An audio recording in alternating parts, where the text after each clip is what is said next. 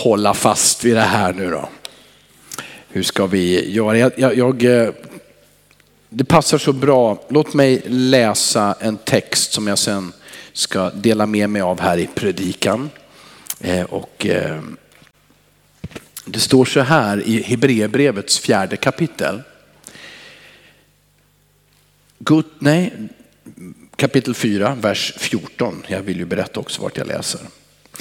När vi nu har en stor överstepräst som har stigit upp genom himlarna, Jesus Kristus, Guds son.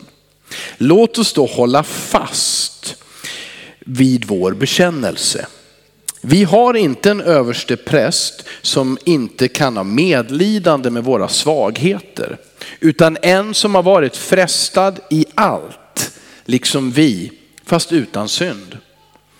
Låt oss därför frimodigt gå fram till nådens tron för att få barmhärtighet och finna nåd till hjälp i rätt tid. Vilka löften hörni. Vilken proklamation.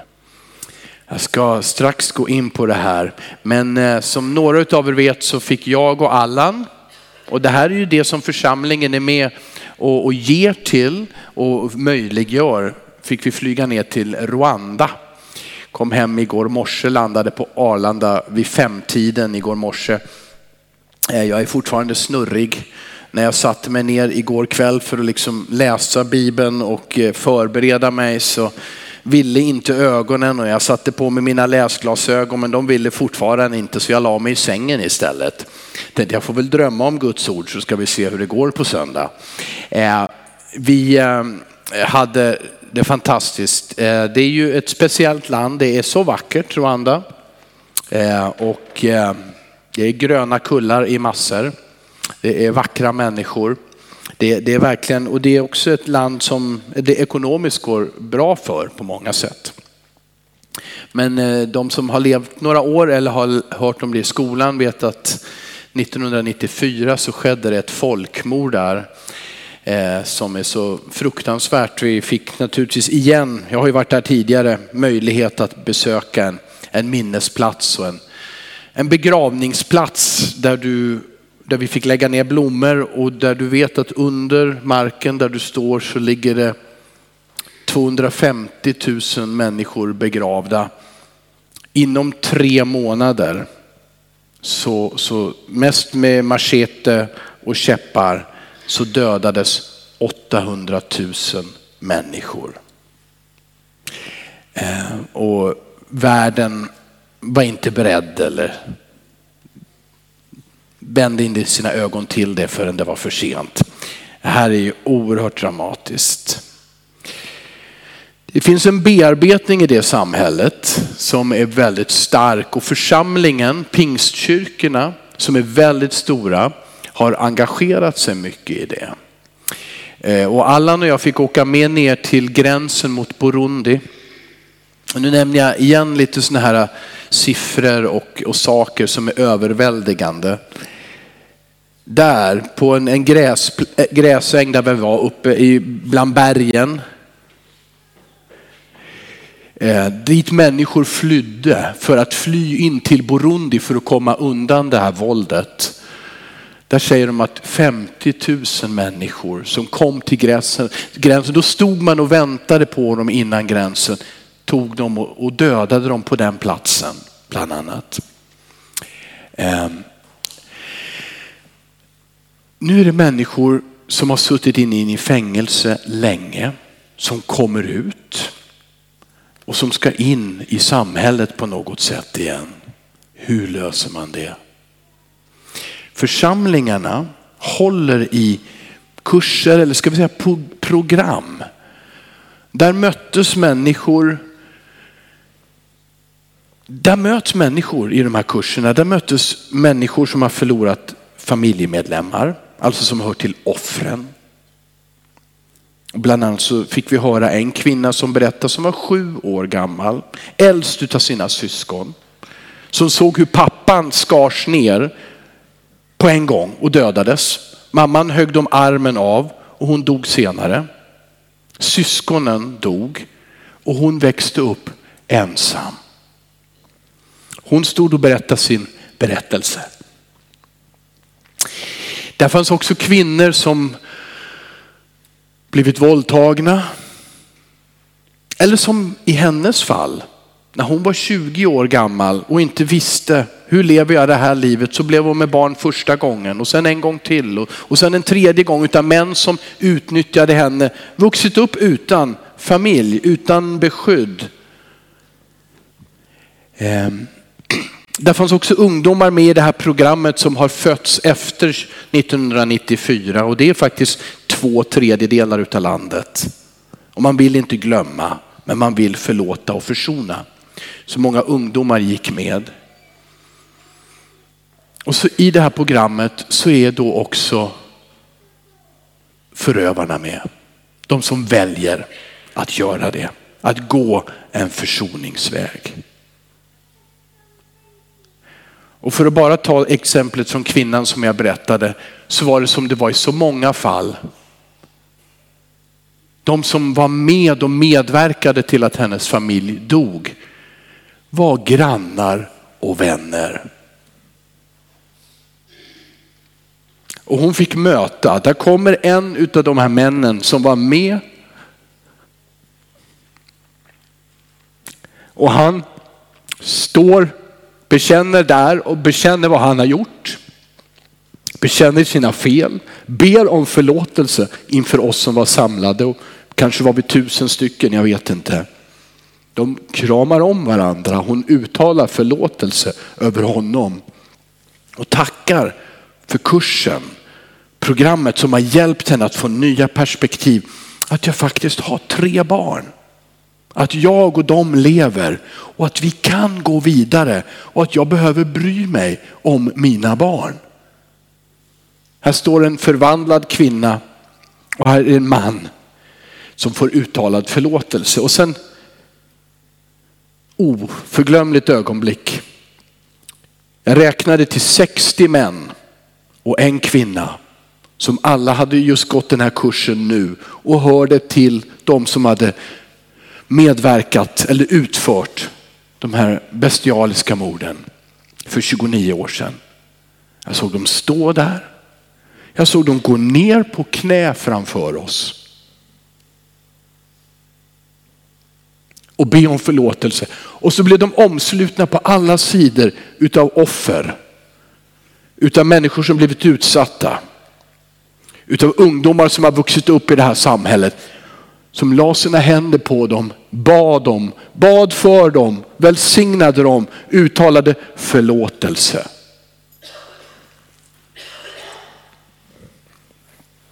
Församlingen får vara med i det här. Att upprätta enskilda människor, att upprätta familjer, återförena människor. Att bygga ett samhälle som försöker att hitta en väg framåt tillsammans. Så oerhört starkt. Paulus skriver i Korinthierbrevet att vi har blivit givna vilket ämbete och då, då, då, säger han till oss allesammans. Han har gett, Gud har gett oss ett ämbete. Ja, du är en ämbetsman, en ämbetskvinna. Vad heter det ämbetet? Det heter försoningens ämbete. för Kristi Jesu skull. Han som har försonat oss med Fadern. Han som har förlåtit, inte 60 stycken, inte 100, inte 100 000, utan alla som genom vår synd, genom vår själviskhet, som kanske inte alltid är brutal och otäck, men som finns i våra hjärtan som människor. Vi som har vänt oss bort ifrån den enda guden som har skapat oss. Han har förlåtit oss och inte bara på ett snällt, snällt sätt och så vi måste gå vidare. Utan han har gett sin enda son i döden på ett kors. Han är den som lyfter sina händer och välsignar dem som kommer och säger förlåt mig, jag visste inte vad jag gjorde. Han som har skapat oss och älskar oss. Men ändå säger, går ni er egen väg så går ni förlorade. Och varnar oss för ett helvete som är en evig åtskillnad, separation ifrån Gud. Men säg, jag har gjort en väg för varje man och varje kvinna. Och Gud vill att varje man och kvinna, ung och gammal, ska få gå den livets väg genom det här livet och i all evighet. Och det är värt så mycket för honom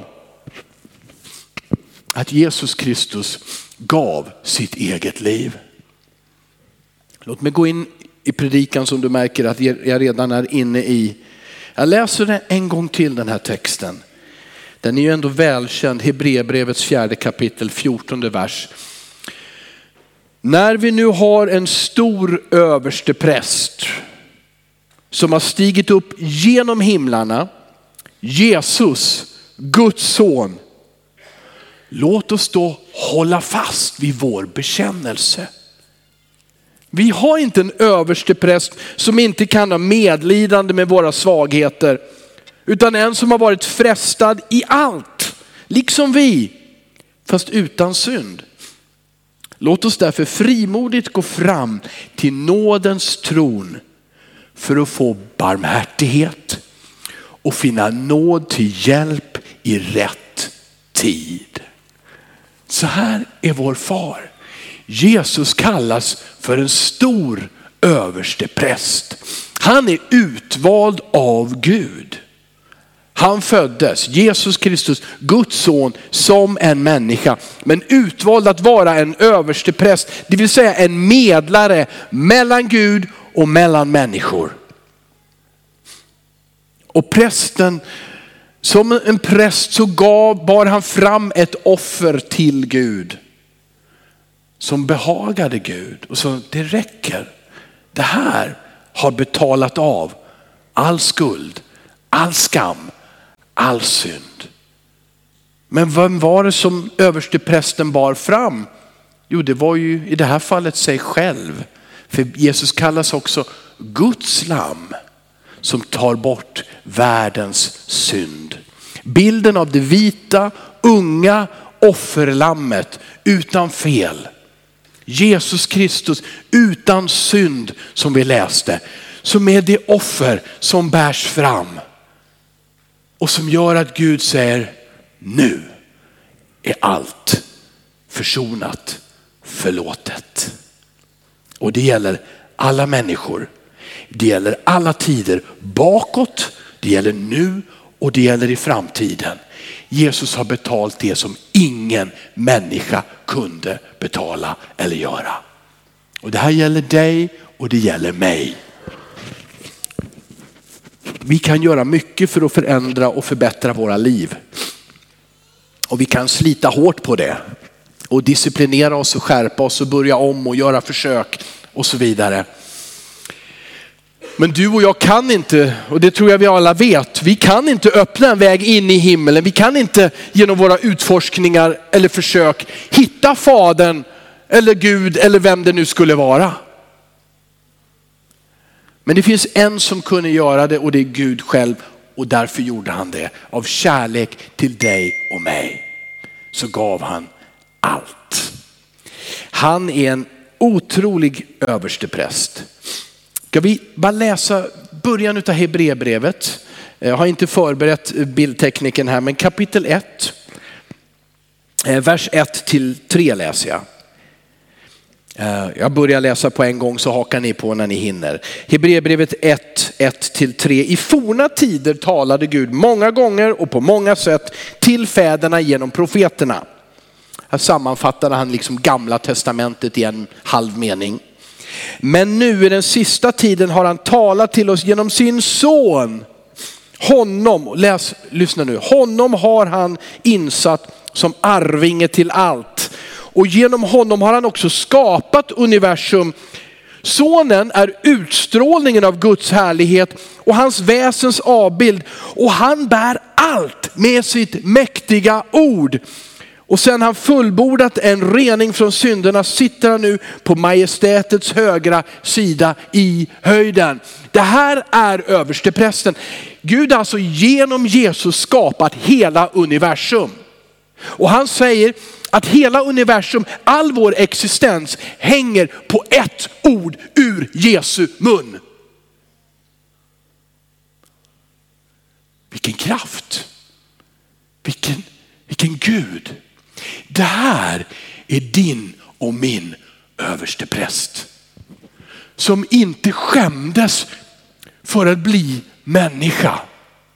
Som inte tyckte att det var för lågt och för långt att lida, utsättas för både skam och missförstånd och tortyr och dödas för din och min skull. Som inte tyckte att det var för stort att i ett ögonblick på korset ropa, min far, min Gud, varför har du övergivit mig? Att så skiljas ifrån sin far av evighet, att han upplever att Gud finns inte ens här.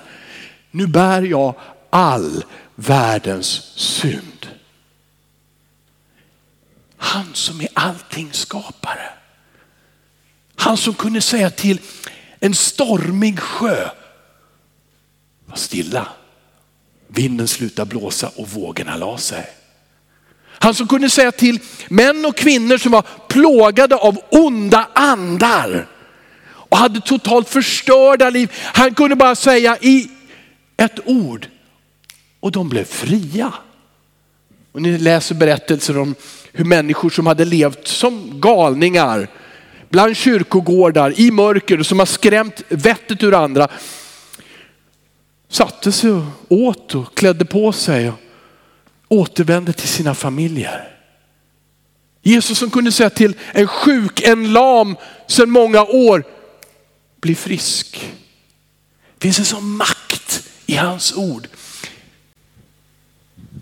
I ett samhälle som Sverige där, där ordet präst eller pastor inte väger speciellt tungt, eller hur? Det är väl det sista yrket man vill bli eller något sånt där. Eh, eh, man, man möter det i alla fall ibland tycker jag. Eh, så är han en överste präst. Jesus Kristus. Så stor, så hög, men som går så lågt och kommer så nära till oss människor. Han är så ofattbart underbar. Han har gjort allt för alla människor. Så att du och jag kan få kalla oss Guds barn. Och så sympatiserar han med oss och det, det, det måste man göra. Men han gör det. Nej, det måste han inte göra. Men han blev människa som vi, han upplevde allt som vi, han vet vad det är att vara människa. Han blev frestad och prövad, utsatt på allt sätt, men han syndade inte. Och därför så sa Gud att han var värdig att ge sitt liv för oss. Han vill, han, han vill ge oss barmhärtighet. Han vill ge oss nåd. Det här är viktigt. Förlåt. Han vill. Det är hans plan. För varje människa. För dig och för alla du, som du känner och många, många fler. Han vill visa vägen. Han vill krama om och säga välkommen hem.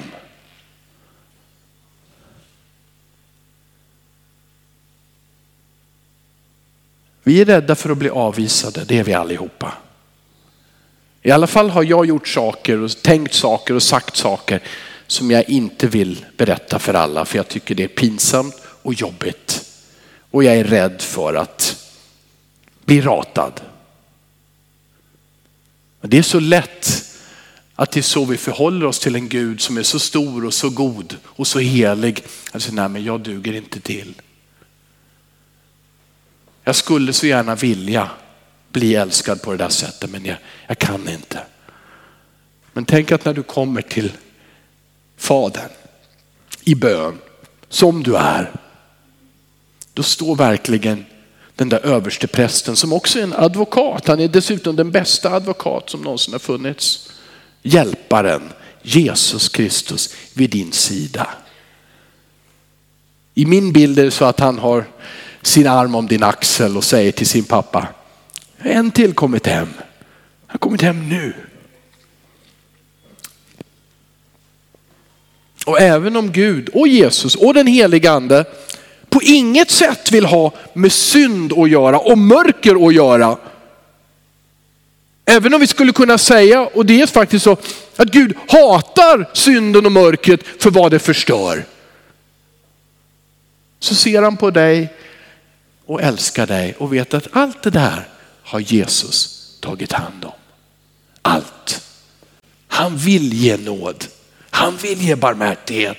Han vill att alla vågar komma till honom. Även om vi inte har modet i oss själva. Så vill han lägga sin hand på din axel, föra dig fram till Fadern och välkomna dig. Han är så stor, han är så god. Vår överste präst är helt fantastisk. Han säger i den här det här stället, låt oss hålla fast vid vår bekännelse. Ja, vad är bekännelse? Ja, men det är ju delvis av det vi redan har sagt. Vår bekännelse, den handlar om Jesus Kristus. Den handlar om att han är Guds son, att han är Herre, att han är Gud av evighet som blev en människa, som, som berättade om Guds rike, jag inte bara berättade, att han förde Guds rike in bland våra mänskliga riken och sa, nu är det här, omvänd er och tro på evangeliet, så ska ni bli frälsta.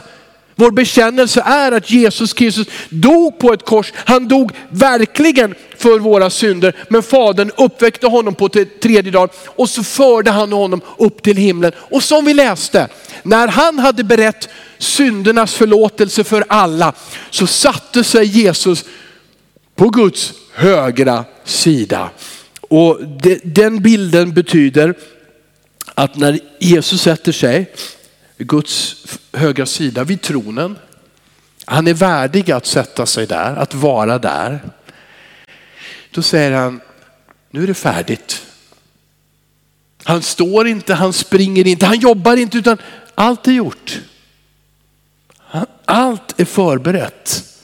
Och där välkomnar han. Och sen så står det ju på andra bibelställen att sen så vänder han sig till fadern i princip och säger, du, nu är jag i himlen, nu har jag gjort det jag skulle, nu är det dags att skicka den helige ande. Och så gör Gud det. Precis som Fadern har lovat genom gamla testamentets profeter. Att Guds ande ska komma över varje man och varje kvinna, över ung, över gammal, över fria, över tjänare eller slavar. Guds ande kommer till alla människor. Det här är Guds mål. Och Fadern gör som sonen säger och så kommer Guds ande och väcker liv, ger oss liv, föder oss på nytt, ger oss kraft. Så låt oss hålla fast vid bekännelsen. Oavsett hur tiderna är och oavsett vad du går igenom. Och ibland är det mycket kamp. Men håll fast. Och jag tänkte på den här bilden. Hur håller man fast vid den här bekännelsen? Jesus. Är det som att, ska vi ta bilden av att jag hänger på en gren på ett högt träd och så funderar jag på hur länge orkar jag hålla fast vid den här bekännelsen. Att Jesus alltid är med mig i alla situationer och hela tiden. Och jag tycker inte ens jag har speciellt starka händer så det gör både ont i fingrar och i armar och, och så tittar jag neråt och blir dödsförskräckt. Eller skulle det funka med den här bilden? Av Guds händer som omsluter dig och mig och som jag liksom vilar i. Så bara när jag väljer att sträcka ut min hand så känner jag hans och håller fast. För att det är han som är så ofattbart stor och god. Kanske funkar den här bilden. Hur ska vi kunna förändra någonting? Och Jesus säger, om din tro är stor som ett senapskorn håller antagligen upp ett litet senapskorn och det är verkligen inte stort. Om din tro är så stor då kan du säga åt berget där borta och flytta sig och det gör det. Varför? Har det med storleken på din och min tro att göra eller har det att göra med hur stor och god Jesus Kristus är? Och finns det berg i dina liv så ska de bort i Jesu namn. Och det handlar absolut inte bara om ditt och mitt eget liv, utan det handlar om andra människor. Att vara som Jesus och flytta berg som hindrar människor att ta emot Jesus. Att ta emot Guds godhet, att berätta om Jesus, att sprida denna kärlek. Det finns ingenting som är för stort för honom.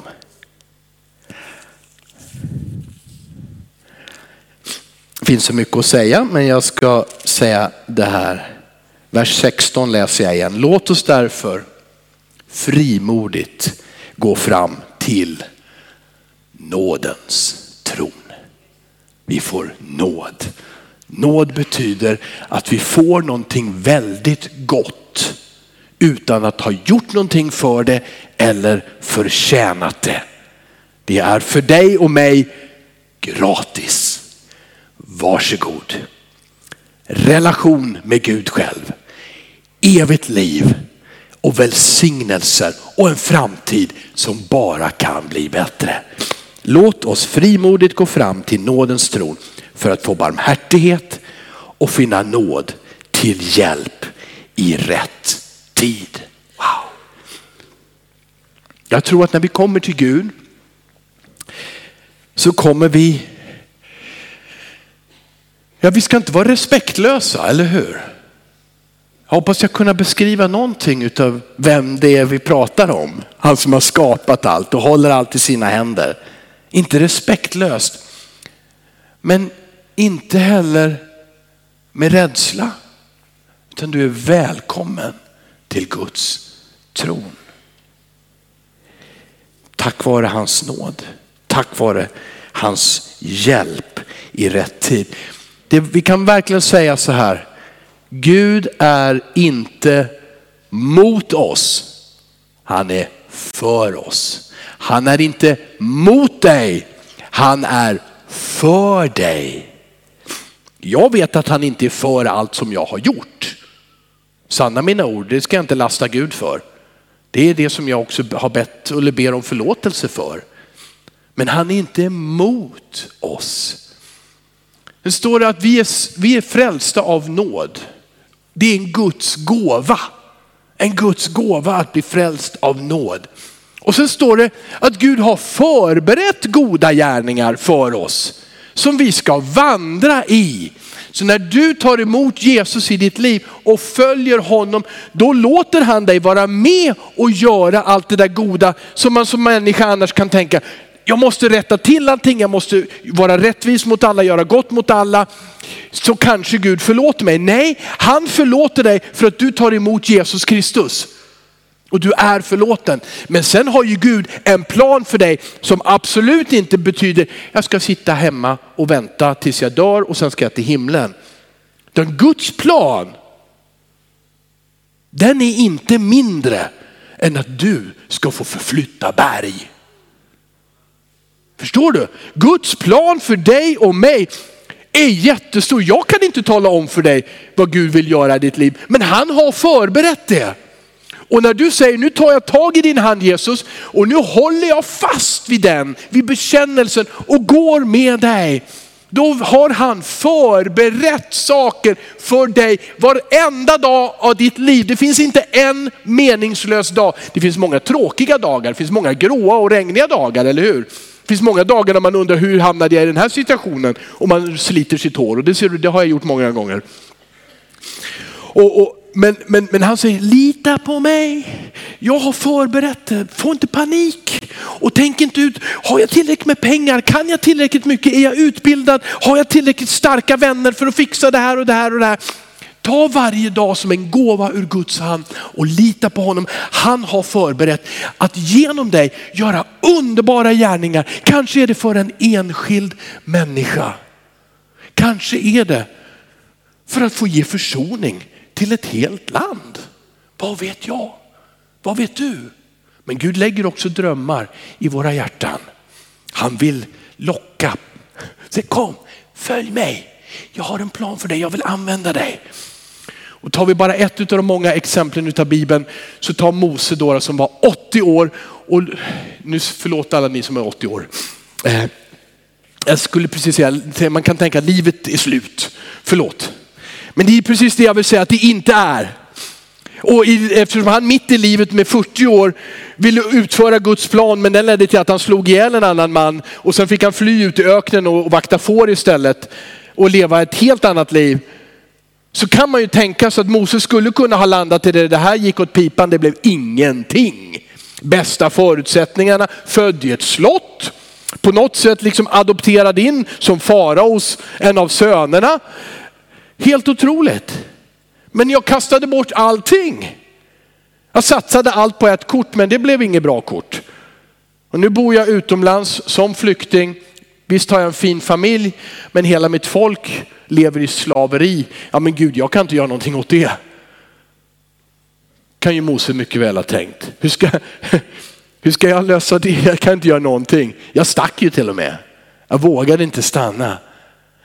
Men du vet, Gud kallar oss och lägger en längtan, en, en, ett hopp. Jag vill tjäna dig Gud. Använd mig. Ja, det är precis efter Guds hjärtslag. Han vill att du ska tänka så. Han lägger in den där längtan. För han har en kallelse. Och det kan vara igen att ge kärlek till en medmänniska som andra människor kanske inte har sett.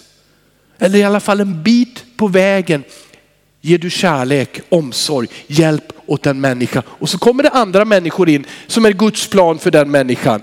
Och så har Gud inte glömt bort en enda en utav oss. Och så finns det de män och kvinnor som blir använda för att rädda en hel nation eller vad vet jag. Men Gud har en plan. Han vill att alla människor ska höra evangeliet. Han vill att alla ska få lära känna namnet Jesus. För han vill frälsa alla människor. Och han använder inte raketer och superhjältar utan använder män och kvinnor som säger, ja, jag vill vara använd av dig. Jag vill återkomma en gång till till David Sundman, för jag tycker det var ett fint exempel som på sjukhuset i hög ålder, sista tiden kanske två år innan han avled, men ändå möter en gammal skolkamrat. Berättar för den andra mannen i den andra sjuksängen, i all sin svaghet, i sin höga ålder, påminner om Jesus Kristus och möjligheten att få ta emot honom här och nu. Och den mannen ger sitt liv till Jesus.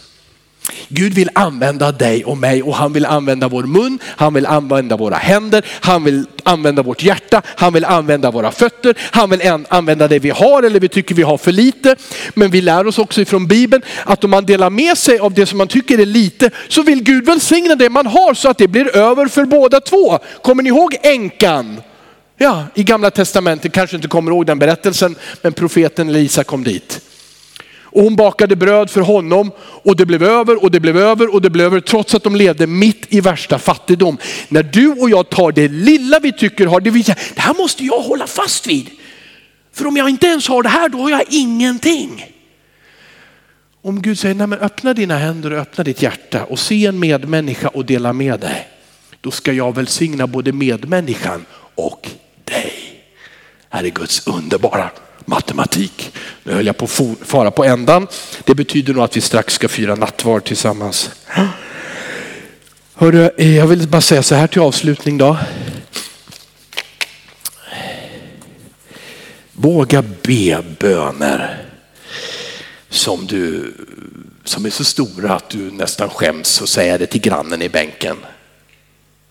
Gör det. Våga be sådana böner som, som, som är, jag gör det. Jag tror nämligen att om vi bara kommer med pytteböner och med många ursäkter till Gud. Jag har, jag har det lite svårt. Skulle du kunna hjälpa mig? Eh, jag vet inte om jag hör hemma här Gud. Det blir fel någonstans. Det blir som att behandla Gud som han är, han är också pytteliten. Han kan inte göra så mycket, han har inte så mycket att dela med sig av och egentligen vill han inte vara där och lyssna på dig. Men så är inte Gud. Han är Den bön som ärar Gud är bönen för det omänskligt omöjliga. Den bönen ärar Gud som ur mänskliga perspektiv är omöjlig att den ska kunna ske. Kom frimodigt när du behöver barmhärtighet och hjälp och Gud ska hjälpa dig. Och låt det inte vara det själviska perspektivet utan ha samma sinnelag som Jesus som lämnade allt för vår skull. Han gav allt för vår skull och sen blev det till frälsning för alla. Och när vi delar med oss av det vi har, när vi ger det till Jesus och säger använd det här, då använder han det och han kan förmera det långt bortom våra fantasier och föreställningar. Jag måste bara säga halleluja! Ja, bra, några av er har varit i Afrika. Jag vill säga det en gång till, halleluja! Amen, wow! Jag ska be nu, jag ska bara säga att det är faktiskt, har vi den där lilla filmen? Jag var på bönemöte. Så att eh, nu tickar klockan här, men jag, bara, en, en, en minut bara. Jag var på bönemöte. Jag brukar bjuda in till bönemöten ibland här hemma. Så är vi, hur många är vi då? Jag ställer mig vid den här skärmen då. Ja, det är bra. Får du på ljudet så är det helt okej. Okay. För jag var på bönemöte. Ja, precis i en sal som rymmer 5000, det var ju inte fullsatt. Så det var nog bara 3000. Jag fick predika där, jag var en av många som predikade. Och sen kom det någon annan och instruerade och sa nu ska vi be. Och sen så i två timmar, i två timmar utan, utan att någon frågar någon annan om hjälp så, så de bara ber och ber och ber. Och de hade fastedagar, människor arbetade, kom på, var på sin arbetsplats och fastade. Men över lunchpausen, då ska jag till kyrkan och be, för nu är det bön. Och så bad vi för tolv nationer, åtta stycken i central och i, i, i västra Afrika. Så bad vi för våra tre skandinaviska länder, för vi var där från Sverige, Finland och Norge. Och så bad vi för Israel. Och alla de här länderna bad i 30 till 45 minuter. De bad och fasta och de är väldigt utmanande för de fastar utan vatten också. Vilket jag eh, kanske inte riktigt håller med om helt och hållet. Fast Jesus gjorde det en gång. Okej, okay? eh, mirakulöst. Helt otroligt. Och så bad de så högt så att jag är fortfarande lomhörd efter två dagar. Det är mitt eget fel att jag inte hade öronpropparna i. Eh, det, det, det bads och hittade de en mikrofon som var fullt pådragen riktigt så ordentligt, då, då tog de den också och då lyfte de rösten. Men förstår ni?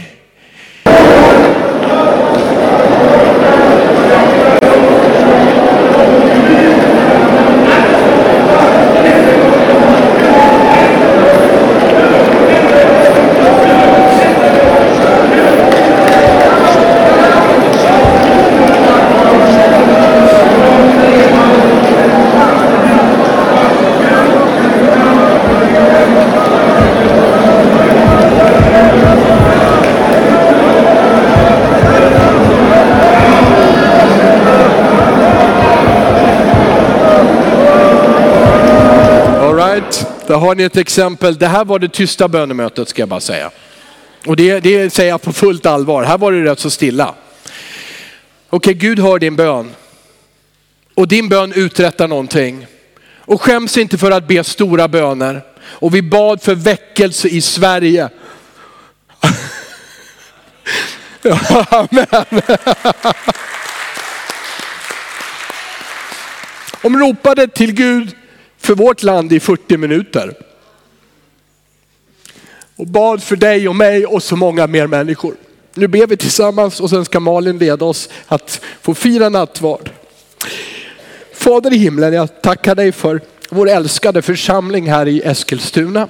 För, just för Pingkyrkan men naturligtvis hela din församling i vår stad. Uttryckt i många kyrkor och hemgrupper och människor som möts. Men jag tackar dig Jesus för för alla som på något sätt vill känna samhörighet här och arbeta tillsammans i ditt rike här på den här platsen. Och jag bara ber att vi ska kunna göra det i kärlek, i samförstånd, i respekt, med frihet för var och en här i Jesus. Men jag ber att vi ska kunna göra det också och ära dig, ge ära åt ditt namn med våra liv, med våra böner, vår livsstil Jesus Kristus. Hjälp oss att inte nöja oss med det lilla utan vara frimodiga när vi ber. Speciellt när vi ber för varandra och andra och vår församling och vårt land och vår värld Herre. Du kan flytta berg Herre och vi får be stora böner till dig. Och allting är möjligt Jesus Kristus.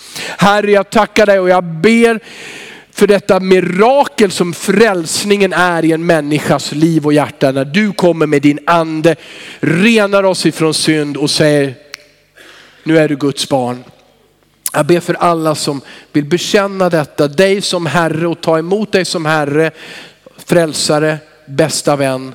Jag ber om detta mirakel i deras hjärtan. Omöjligt för mig, men lätt för dig som redan har betalat priset. Nu räddar du, nu frälser du den som, som i sitt hjärta ropar ut till dig Jesus Kristus. Och jag tackar dig Jesus och så ber jag för grannar, vänner, människor vi känner, kollegor, människor vi ännu inte känner men kommer att möta. Jag ber för alla som säger, här är jag, använd mig.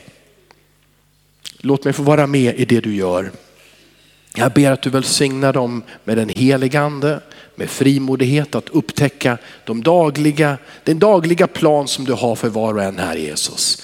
Använd oss och låt oss få verkligen befolka himlen, ta med många människor in i ditt rike. Jag ber i Jesu namn. Amen. Amen. Tack.